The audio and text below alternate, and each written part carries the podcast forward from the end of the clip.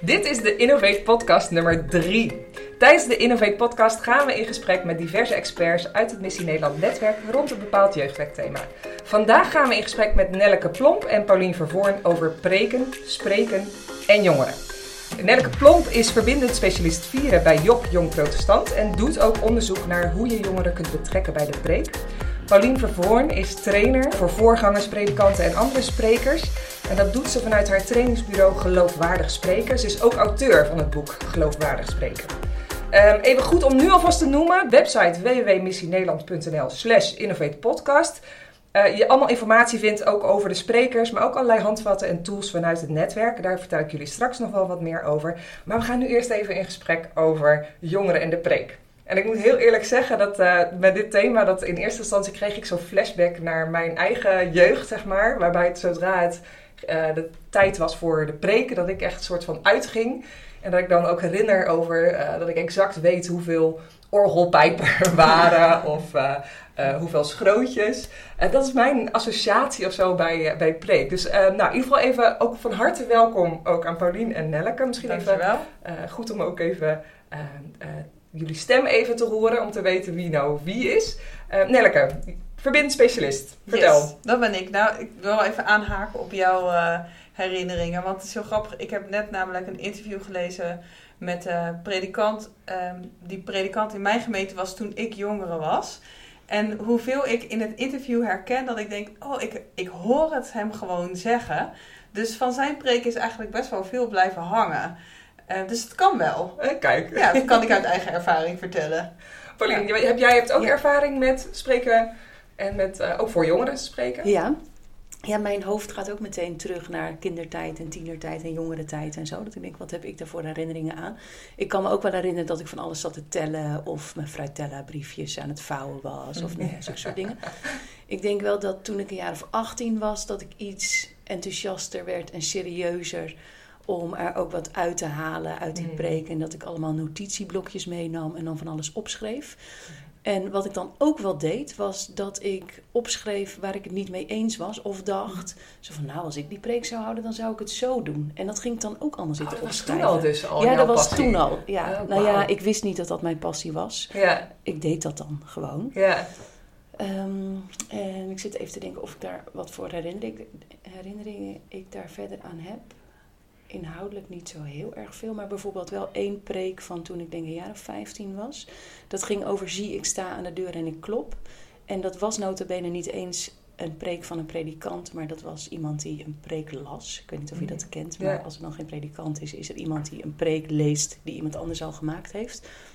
En die maakte heel veel indruk op mij. Ja. En ik denk dat dat vooral kwam omdat ik de man die het voorlas zo ontzettend aardig vond. Oh ja. En ik denk dat dat ook heel belangrijk is voor tieners en jongeren. Dat ja. je op een of andere manier een klik ervaart met degene die voor die groep staat. Ja, ja. ja zeker. Daarom was ik ook extra bereid om naar die preek te luisteren. Ja, en daar kan ik wel op aanhaken als dat ja. meteen mag.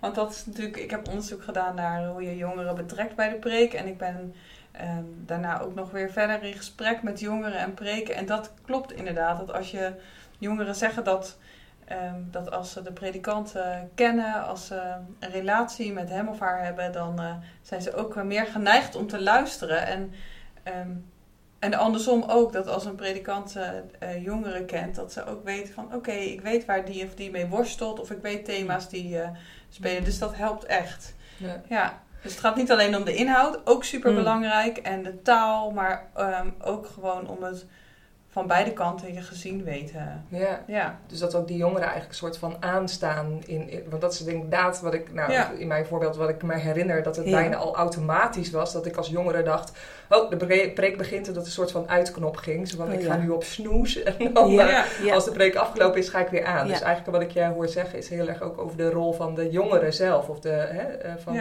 in hoeverre... Ja, dat klopt. En ook, ehm, dat is iets waar ik me de afgelopen maanden eigenlijk bewust van geworden ben, is dat jongeren heel vaak inderdaad automatisch al zeggen, oh, als de preek begint, dan, eh, dan haak ik al meteen af. Terwijl als je dan doorvraagt en je merkt dat een predikant bijvoorbeeld ehm, een preek voorbereid heeft met jongeren, of dat het thema op andere momenten terugkomt, is dat ze misschien de, preek zelf niet per se als ehm, luisterervaring of als er, dat ze God hebben ervaren noemen, maar wel dat het preek meespeelt in het hele gebeuren, Mm. ook daaromheen, bij de voorbereiding of ehm, gewoon een momentje tussendoor bij de preek. Dus ik pleit er eigenlijk wel voor. Ik zou het heel mooi vinden als wij met elkaar, maar ook als jeugdwerkers, een steentje bij kunnen dragen om die preek een beetje uit dat frame van saai te halen, maar om ook jongeren erop te wijzen van, maar kijk eens, je haalt er eigenlijk wel misschien wel meer uit dan je denkt. Misschien niet op het moment zelf, maar later wel. Dus laten we proberen om niet de woorden Mm. saai of lang automatisch bij preken te koppelen. Ja, want dat is een beetje vanuit het perspectief van jongeren. Hè? Dus dat je ziet dat jongeren eigenlijk al eh, eh, eh, mee worstelen dat het al de imago heeft van saai. Ja. Even vanuit de andere kant eh, gekeken, van, vanuit de, de, de spreker zelf, de predikant of de voorganger. Eh, welke eh, worstelingen zien jullie? waar, waar worstelen zij mee als het gaat over spreken voor tieners en jongeren? Mhm. Ja, ik zit nog even af te vragen of al die jongeren die je ken en die tieners, of die het inderdaad, of die altijd voorgesorteerd staan met saai. Mm. Ik denk dat dat ook een beetje ligt aan het imago van de spreker en dat dat Mm. per keer verschillend is. Ja. Dus dat ze de ene keer denken van, oh nee, we hebben die, die is Ja. inderdaad saai. En dat ze een andere keer denken van, oh, maar die heeft altijd wel iets ertussen zitten waar ik wat aan heb. Ja. En dat ze wel degelijk zich openstellen voor het Mm. idee van, ehm, nou, wat zou God vanmorgen weer te zeggen kunnen hebben, ook door die preek heen. Dus ja, ja. Ja, ik hoop ook niet wel- dat het zo negatief ja. Nee, eh, nee, gesteld is. goede, goede Ja, En het, ja, we- kunnen zo misschien nog op die vraag over de spreken, maar ik denk ook Ja. saai is ook niet altijd per se erg. Want ehm, ik vergelijk een preek wel eens met van gewone kerkdienst met een maaltijd. Je weet ook niet altijd wat je gisteren hebt gegeten, of je maaltijden zijn ook niet altijd spectaculair. Ehm, lekker of bijzonder. Maar toch is het heel belangrijk om je wel eh, dagelijks te blijven voeden met eten. En dat geldt voor preken eigenlijk ook. Als je gewoon wekelijks die preken, het hoeft niet, elke preek hoeft niet levensveranderend te zijn. Mm. Maar gewoon je laten voeden door, eh, eh, door God, door mooie taal, door woorden, door de Bijbel. Ehm, en dat samen te beleven, dat is ook Mm. heel belangrijk. En dat is denk ik voor sprekers ook een hart onder de riem. Ook al zie je dat jongeren ehm, misschien naar de andere kant op kijken of niet overal aangehaakt zijn. Toch is het goed dat zij er Mm. zijn en dat jij je verhaal houdt. Want wie weet haakt het, komt het later wel een keertje aan en Mm. anders zijn ze, gaan ze toch gevoed naar huis als het goed is. Met een volle buik, vol hoofd. Ja. nou, ik vind dat wel een mooi voorbeeld wat je noemt. Zeker als je bijvoorbeeld herinneringen hebt van vroeger of zo. Die Mm. hebben ook heel vaak met maaltijden te Mm. maken. Hè? Dus als ik terugdenk aan hoe we vroeger aan tafel zaten, dan weet ik bij wijze van spreken nog zo van: oh ja, mijn moeder zat meestal hier en daar zat mijn Ja. ene broer en daar mijn andere broer. En op een gegeven moment hadden we dan weer een keer andere soortige vaste plekken. En daar, daar herinner je wel vaak een sfeer aan. Dus bij preken weet je niet altijd de inhoud, maar je weet meestal wel welke sfeer je is bijgebleven. Dus in die zin vind ik dat ook wel belangrijk, ook als spreker, dat je je inricht op de inhoud, Mm. maar ook de manier waarop je overkomt. En niet als doel op zich, want je wilt natuurlijk ook niet als spreker voortdurend bezig zijn met, eh, oh, ik wil leuk overkomen. Mhm. Alleen je kunt wel dingen doen die jouw publiek helpen om meer aan te haken. Mm. En volgens het boekje heet dat likability. Mm. Hè, dat, je, dat mensen je aardig vinden. En zonder daar per se op gericht te zijn, kun je wel dingen doen die daarbij helpen. Kun je daar wat voorbeelden van Ja. Nou, om het meteen even met een ezelsbruggetje te onthouden. Likability heeft drie manieren, met, ook met een L. De eerste is dat je lacht. En dat klinkt misschien heel apart. Eh, en het klinkt bijna geforceerd. Maar als je lacht, maak je meer connectie, haken meer mensen aan. En de volgende is luister. En dat lijkt een beetje lastig als je preekt. Maar je kunt wel laten merken dat je hebt geluisterd naar Mm. mensen. Dat je weet wat er leeft. En zeker naar tieners en jongeren ook. Dat als jij laat merken dat je weet wat er onder hen leeft. Dan haken zij veel eerder aan. In plaats van dat ze denken van ja, hij of zij weet helemaal niet waar wij mee bezig zijn. Mm. En dus dat is de tweede, van dat je hebt geluisterd en dat je dat laat merken. En de derde is laat jezelf zien. Dus dat je, dat hoeft niet altijd met enorme verhalen. Dat kan natuurlijk wel, dat je uit je eigen leven laat zien ja, eh, hoe geloof voor jou werkt. Wat aansluit wel bij de kernboodschap van de preek uiteraard. Eh, want anders is het geen preek meer. Bij een preek geef je bijbeluitleg, maar kun je soms best wel een voorbeeld geven hoe iets bij jezelf werkt. Eh, of dat je juist iets persoonlijks deelt wat je ook lastig vindt. Mm. Ik had bijvoorbeeld zelf afgelopen zondag een ehm, doopdienst waar vijf jongeren uit mijn gemeente werden gedoopt.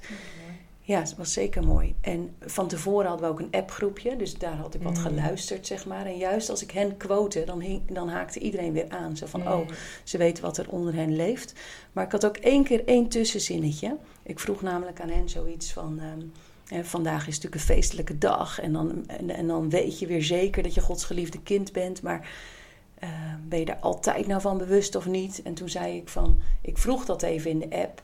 Omdat ik zelf ook wel eens periodes heb. Hè, dat het iets minder speelt. Mm. Het was zomaar even één zo'n tussenzinnetje. En na afloop komt er dan iemand naar me toe. En die zegt van... Oh, ik vond het wel heel mooi dat je dat zelf ook toegaf. Ja. Dan word je ook echt Ja. mens. Zeg Ja, maar, in plaats Ja. van op Ja. afstand. dus natuurlijk Ja. ben ik spreker en heb ik iets te melden. En heb ik me voorbereid. Mm. Maar ik ben ook een van hen. En ook onderweg. Mm. En lerend. Ja, mooi. Ja. Ja. Bij Job zijn we heel erg bezig met ehm, de kerk als thuisplek voor kinderen en jongeren. Dus hoe kan je er nou voor zorgen dat kinderen, dat jongeren zich echt thuis voelen, ook in die kerkdienst, ook onder de preek? En ik denk die drie termen die jij noemt en eh, dat likability is daar Ja. heel belangrijk bij. Ook dat jongeren zich gezien weten. Want wat mij eh, opviel in de, ehm, de laatste, mijn laatste onderzoek, ehm, waar ik jongeren heb gevraagd: wanneer ervaren jullie nou iets van God tijdens de preek? Ehm, niet alleen dat je betrokken luistert, maar ook dat je denkt: hé, hey, dit zijn niet alleen woorden van de predikant, maar hier spreekt ook God in mee. En wat mij, een van de dingen die mij opvielen, is dat het soms leek alsof jongeren bij opa en oma op bezoek zijn, in plaats van dat ze echt thuis zijn in de kerk. Dus ehm, bijvoorbeeld als ze zeggen ja, we zouden het wel anders willen, maar ja, dat vinden die oudere mensen Mm. vinden niet fijn. Of ehm, als ze, nou ja, dat ze, dat ze ehm, zichzelf ook een beetje denken, nou, wij hebben niet echt een stem als jongeren, want de, de kerkdienst is niet helemaal van ons. Dat zeiden ze niet letterlijk, maar dat proefden ze wel.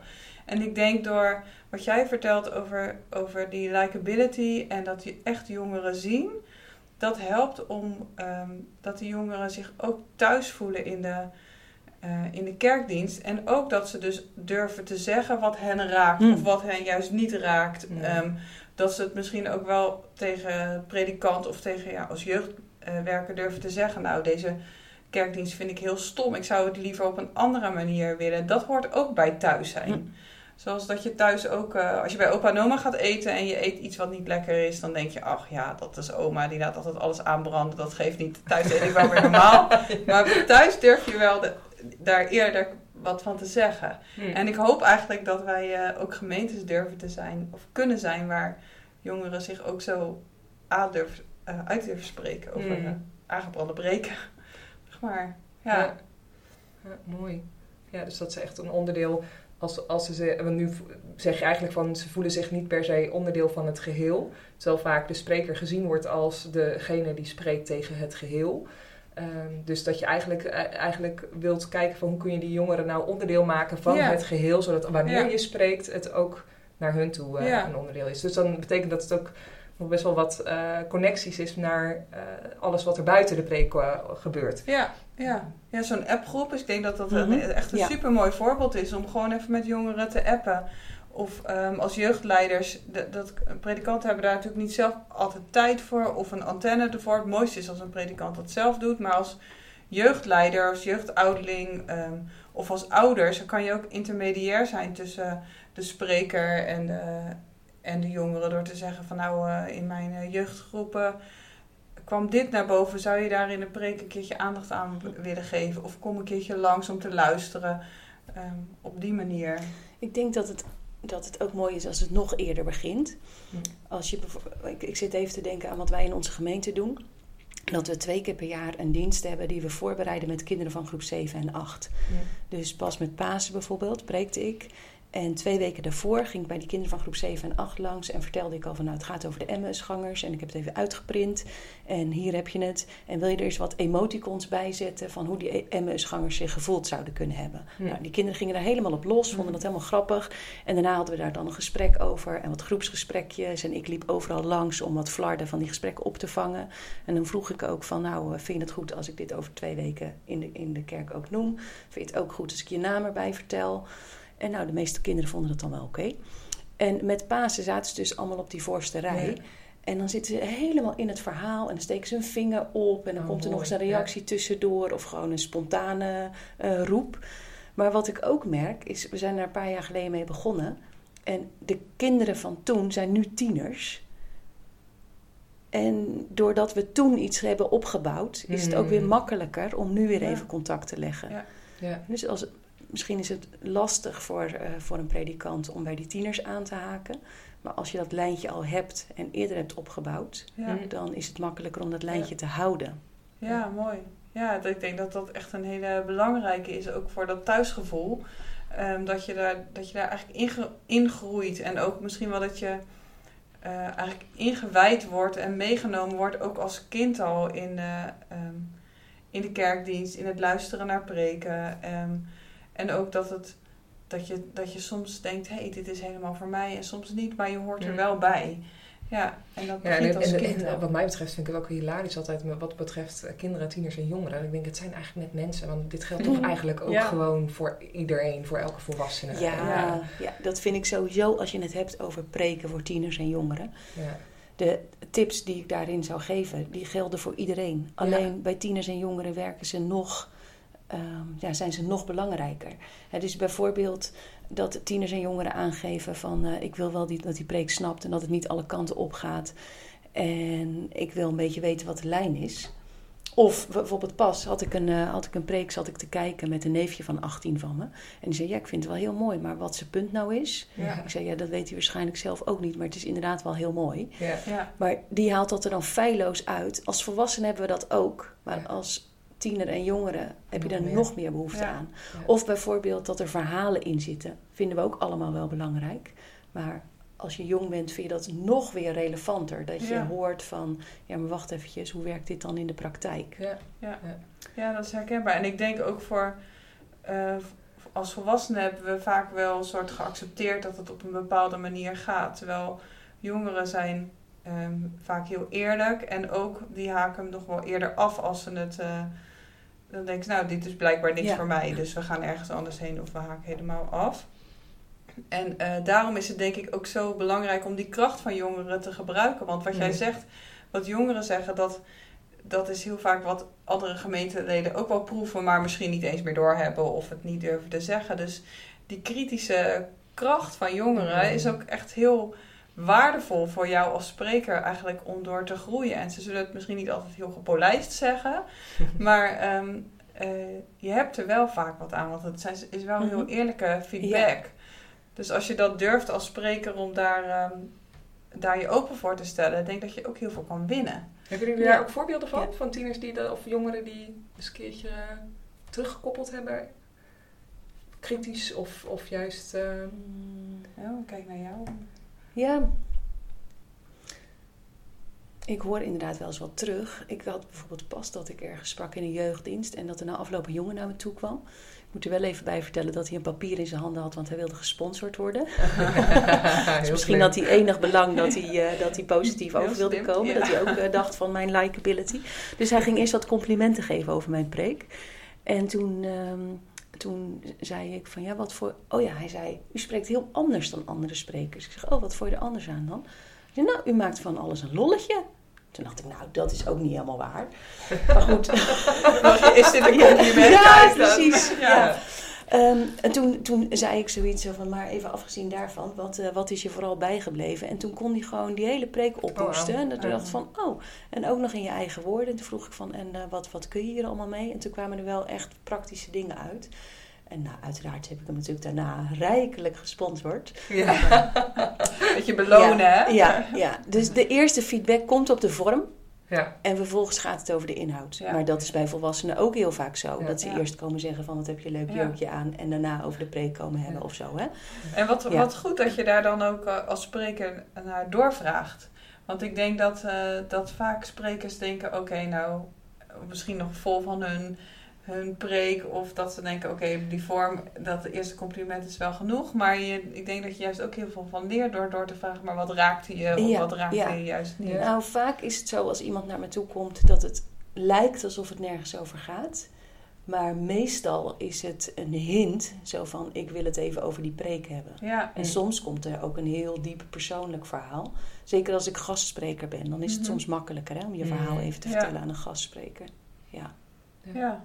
En, en we hadden het net over die kracht van die jongeren. Ik denk als je als spreker altijd je realiseert dat er jongeren in de kerk zitten en tieners. Of een dertienjarige die eigenlijk niet zoveel zin had. Maar waarvan de ouders hebben gezegd tot je achttiende en zolang jij thuis woont eh, moet je gewoon mee. Of één keer per zondag of nou weet ik veel wat je als ouder soms kunt, eh, kunt zeggen. Als je die tieners op je netvlies hebt Hm. en je verantwoordelijk voelt als spreker om er minstens één of twee keer iets in te hebben in je preek waar zij weer bij aanhaken, dan wordt je preek voor iedereen beter. Hm. Ja. En ik denk dat je dat meteen in, in het intro van je preek al duidelijk kunt maken. Door de woordkeus die je kiest of, die je voor, of door de voorbeelden die je kiest. Dus stel je voor dat je, dat je meteen in de U-vorm iets gaat zeggen voor werkende mensen. Ja, dan denken die tieners meteen al zo van... oh ja, gaan we weer. Dit is, Ja. eh, het, nou, dit is voor mijn ouders Ja. en ik ga even wat anders zitten doen. Hm. Of ik pak mijn Facebook er nog Hm. wel even bij en ik scroll er doorheen. En deze preek gaat vast over. Die gaat vast een keer weer voorbij. Ja. Terwijl als zij meteen een voorbeeld horen, zo van, oh, maar wacht eventjes. Hm. Eh, dit gaat over school of dit gaat over mijn vakken vullen. Of, eh, nou, hij weet dat ik net naar eh, een, een tiener-event ben geweest. Dan is vanaf het begin helder van, oh, ehm, nou, hij weet blijkbaar dat ik hier ook zit. En Ja. eh, misschien komen er wel meer momenten. Ja. Natuurlijk kun je dan weer even afhaken als het net even wat ingewikkeld wordt. Maar als je dan als spreker ervoor zorgt dat Ja. er regelmatig van die momenten in zitten die ehm, eenvoudig of relevant genoeg zijn. Wat hebben jullie verder nog van dat soort eh, hè, tips voor, voor sprekers, voor predikanten? Want ik denk dat het ook Hm. breder is dan alleen maar eh predikanten. Want ik denk dat er ook heel wat jeugdleiders soms ook gewoon Ja. voor een groep staan en daarin Ja. vertellen. Inderdaad, wat jij zei, eh, neem de jongeren voor ogen. Ik weet een predikant die bij elk voorbeeld wat hij zei, ik, ik doe gewoon elk voorbeeld ehm, ehm, richt ik op jongeren, want volwassenen begrijpen het ook wel. Maar ik weet ook een voorbeeld van een predikant die na zijn preek eigenlijk zei, ja jongeren of jongens, ik, ik realiseer me dat dit echt eh, een lastig onderwerp was voor jullie en dat... eh, er zat eigenlijk niet zoveel voor jullie in, maar ik wil mijn gebed daarom helemaal aan. Voor, ik wil voor jullie bidden als jongeren. Hm. En dat vind ik ook, ehm, je- zeg maar, je, je hele preek hoeft niet altijd voor iedereen behapbaar te zijn of helemaal op jongeren of op kinderen gericht te zijn, maar dat de jongeren wel zich gezien weten. En dat mag dus ook door te zeggen, ehm, ehm, ja, sorry, misschien wordt het een beetje lastig, maar eh, jullie komen wel weer aan bod. En ik vind dat wel ook wel weer waardevol, dat ze in ieder geval zich gezien weten. Hm. Ja, Zo- Dus dat is in ieder geval wat ik een beetje nu hoor inderdaad. Hè? Zorg, zorg dat, dat, eh, dat jongeren eh, onderdeel worden van het geheel. Ik denk dat dat ook Mhm. wel iets is waar we het jeugdwerk sowieso erg bij kan helpen. Ik hoor van zorg dat, dat je eh, in je voorbeelden aanhaakt bij tieners en jongeren. En ik hoor van mocht dat niet lukken, eh, kun je het ook op andere manieren. Maar in ieder geval zorg dat, dat ze gezien worden. Zijn er nog andere waarvan, dingen waarvan je zegt, nou ja, dit is wel even ook voor predikanten goed eh, om, om zich te Ja. realiseren? Ik denk dat het altijd goed is om het zo te vertellen, zodat zoveel mogelijk mensen het begrijpen. Mm. Dus dat is ook meteen handig voor zoekers. Dus als je allerlei ingewikkelde woorden gebruikt, of ervan uitgaat dat er een bepaalde ba- basiskennis aanwezig is, dat is lastig voor de jongeren. Ik kan me herinneren dat er een keer een preek in onze gemeente was over de Heilige Geest. En dat een jongere na afloop naar me toe kwam en zei: Oh, dit vond ik zo fijn. Misschien dat een heleboel volwassenen dit allemaal al wisten. Maar ik moet dit toch gewoon een keer voor het eerst horen. Ja. En dat is natuurlijk ook het wonderlijke in een kerk. Dat is Ja. anders dan onderwijs. Dan heb je een groep die komt binnen en je weet, nou, dit is het ba- de basiskennis. En aan het einde van het jaar moet ik ze op deze manier afleveren. Maar in die kerk heb je voortdurend instroom Mm. qua leeftijd en ook instroom van eh, nieuwe mensen Mhm. of nieuwe leden of nieuwe gelovigen. Dus ja, hou het eenvoudig en leg dingen uit en ga er niet van uit dat iedereen het al weet. Want Ja. daardoor voel je je er buiten gezet. Ja. Dus dat vind ik een heel belangrijke. En ik vind het belangrijk om voor heel veel afwisseling in je preek te zorgen. Maar dat is voor iedereen belangrijk. Ja, ja, Eh, ja, maar voor zei, die, hè, de ja, tieners maar en voor die jongeren tieners en ook. Ja. Ja. En dat is En- ook die ongelijktijdigheid, want je... ehm, en, en door dat ook te benoemen, zeg maar, van... eh, Dus aan de ene kant ehm, dingen misschien wel uitleggen voor de mensen die, eh, die nieuw zijn... of die nog niet zo ingewijd zijn. En aan de andere kant kan je ook een stevige bite meegeven. En dat maakt het werk van predikant natuurlijk ook wel echt heel ingewikkeld. Ik uh, heb wel ook heel veel respect voor sprekers die dus elke zondag hun uh, stinkende best doen om, uh, om weer zo'n preek voor zo'n gemaleerd mm. gezelschap. Ja. en daarom denk ik dat dat ook een hele belangrijke tip is om jongeren zelf te betrekken. Want je kan ook niet alles als predikant. Dus bijvoorbeeld als je zelf geen goede voorbeelden weet, vraag aan jongeren om zelf een voorbeeld te vertellen voor de preek. Of um, uh, jongeren willen het heel graag concreet hebben. Dus vraag hen nou zelf van dit wordt ongeveer mijn preek. Kunnen jullie daar een challenge bij bedenken? Of hoe zou je dat zelf toepassen in je eigen leven? En of vraag het jongeren om het zelf te vertellen. Of vraag het om ze te appen mm. en vertel het dan. Op de, maar maar blijf, doe het ook niet alleen. Preken doe je samen. Ik denk dat dat ook wel echt een hele belangrijke is. Ja, dat vind ik sowieso hoor. Ja. Ik, ik pleit altijd ervoor van je kunt eigenlijk pas goed spreken als je goed hebt geluisterd. Mm. Want je wilt aansluiten bij wat er leeft bij mensen. Mm. Dus ik raad ook vaak aan van bedenk deze preek ga je houden. Wat heeft een 13-jarige hier aan? Maar ook wat heeft een 84-jarige hier aan die achter een rollator loopt en die denkt van nou, ik, uh, ik uh, ga bijna naar de Heer. Ja. ik hoop tenminste dat zo iemand dat dan uh, denkt op die manier. En dat helpt ook in je voorbeelden Um, want stel je voor dat je voortdurend preekt met voorbeelden van over studiekeuze. Ja, dan haak je als 84-jarige weer af. Dat je denkt, daar ben ik allemaal niet mee bezig. Of je gaat een studie doen als 84-jarige. Ja, het zou natuurlijk kunnen. Of dat je nog gaat promoveren, omdat je dat ja. altijd al een keer had gewild. Ja, het zou kunnen. Of dat je dan weer even een link naar die ouderen hebt van... Ja. Um, we, we, zien u en uh, wat mooi dat, dat, dat u een taak hebt en de volgende generatie je wat ja. mee kunt geven of zoiets. Uh, maar het verbindende zit mm. vaak in verhalen en in emoties mm. die we allemaal hebben. Dus even, even een ander voorbeeld. Ik vertelde, ik vertelde pas over een vrouw die ik ontmoet had in India. En dat was iemand die op haar scooter rondreed. En dan zei ze altijd van, uh, Jezus, uh, we gaan samen op de scooter boodschappen doen. En toen vroeg ik aan haar van, huh, heb je dat altijd al zo gehad, dat je Jezus overal in betrekt? En toen zei ze, nee, maar als kind toen zei mijn moeder altijd van, joh, Jezus luistert. Altijd, overal. Ze zegt maar, als ik dan thuis kwam, dan luisterde mijn moeder niet altijd naar mij, want ik wilde dan mijn verhaal kwijt. Maar mijn oude zus, oudere zus kwam er tussendoor. En ze zei, dan ging ik gewoon in een hoekje zitten en dan ging ik lekker zitten kleuren. En dan ging ik uh, alles wat ik eigenlijk aan mijn moeder had willen vertellen, vertelde ik dan aan Jezus. Nou, dit verhaal vertelde ik. En dan merk ik dat allerlei leeftijdscategorieën hierbij aanhaken. Mijn mm. eigen leeftijdsgenoten, die gewoon denken van... oh ja, wat grappig, een vrouw van onze leeftijd die rijdt rond op een scooter. Mm. Uh, en luister mensen... ik wel naar mijn kinderen, zou ja, ik denken? zoiets. Hè? Dus je, op diverse niveaus haak je aan. Maar ook een meisje van acht zag ik opeens een soort opveren van... oh, maar wacht even, dit gaat over mij. Ja. En dan zit je dus niet meer per se in de voorbeelden, maar in een emotie van ik wil gehoord worden, ik wil gezien worden door mensen, ik wil mijn verhaal bij Jezus kwijt, ik wil hem overal bij betrekken. Mm. En dan, ja, dan, dan kom je op een dieper level terecht. Ja, ja mooi. Ja, die universele ja. levensvragen, die hebben jongeren natuurlijk en volwassenen. Dus misschien ook wel een tip om het niet te, te plat te slaan of in vormen te zoeken, maar juist in die in te, te, zoeken naar die diepere lagen waar iedereen mee te maken heeft. En dan mm. misschien wel van je eigen worstelingen of die ja, worstelingen, verlangens, ja. waarden. Ja. ja. En dan, dan vind je elkaar weer. Ja. ja. ja. En dat is natuurlijk een hele uitdaging om het allemaal te vinden. Want wat mhm. jij net zegt van het respect voor predikanten. Zeker als je elke keer voor dezelfde groep staat probeer dan maar weer de afwisseling te vinden. Ja. En dan zoek je natuurlijk als eerste de verdieping in de tekst. Mhm. En gelukkig is de Bijbel veelzijdig genoeg om elke keer weer met, met iets vernieuwends te komen of een nieuwe insteek te kiezen. Maar daar heb je wel elkaar voor nodig. Mm. Ja. ja. dat je je gemeenteleden ook bevraagt van uh, wat leeft er en uh, hoe doe jij dit? Ja. Mooi. Ja, hey, we zijn alweer bijna aan het einde. Dus ik dacht uh, nog even voor laatste kans van wat zijn er nog dingen waarvan we zeggen van hé, hey, daar moeten we nog wel even aandacht aan geven in deze podcast als het gaat over jongeren en de preek spreken voor tieners en jongeren.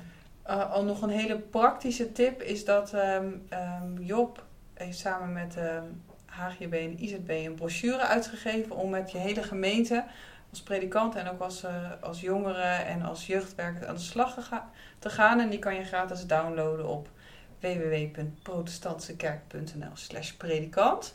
Dus dat is gewoon een hele handige manier om het gesprek aan te gaan. Ehm, als je nog een praktische tip wil. Dus doen vooral, zou ik zeggen. Ja, en ik, uh, ik heb van Pauline ook begrepen inderdaad www.geloofwaardigspreken.nl slash tieners. Daar ja, heb je ook andere een ook blog. een aantal tips. Ja. Met tips uh, om te spreken voor tieners. En uh, wat ik ook wel erg leuk vind om even te noemen. IZB is ook een deelnemer van het Missie Nederland Netwerk. En die heeft ook de Preekfestival geïnitieerd in samenwerking met allerlei andere organisaties. Daar zijn jullie ook allebei bet ja, bij zeker. betrokken. Klopt. 17 september is dat. Um, kun je daar nog iets over vertellen? Van wat, wat, wat is een preekfestival voor wie? Het preekfestival is voor iedereen die preekt. Het is voor de, de hele breedte van de kerk. Van uh, evangelisch tot uh, vrijzinnig tot gereformeerde gemeente. Um, en um, ja, ook de hele breedte van preken. Dus uh, um, Paulien gaat volgens mij iets vertellen over feedback. nee, ik geef oh. een... had ook gekund, had ook gekund. Ja. Ik geef een workshop over de IKEA-structuur. En dat, dat is een structuur in de preek die je helpt om die afwisseling te zoeken. En om zowel op inhoud te zitten als die verbinding met mensen. En IKEA staat dan voor een inspirerend intro, een krachtige kern. En dat je erkenning geeft aan bezwaren die er zouden kunnen leven. En dat je op een activerende manier afsluit.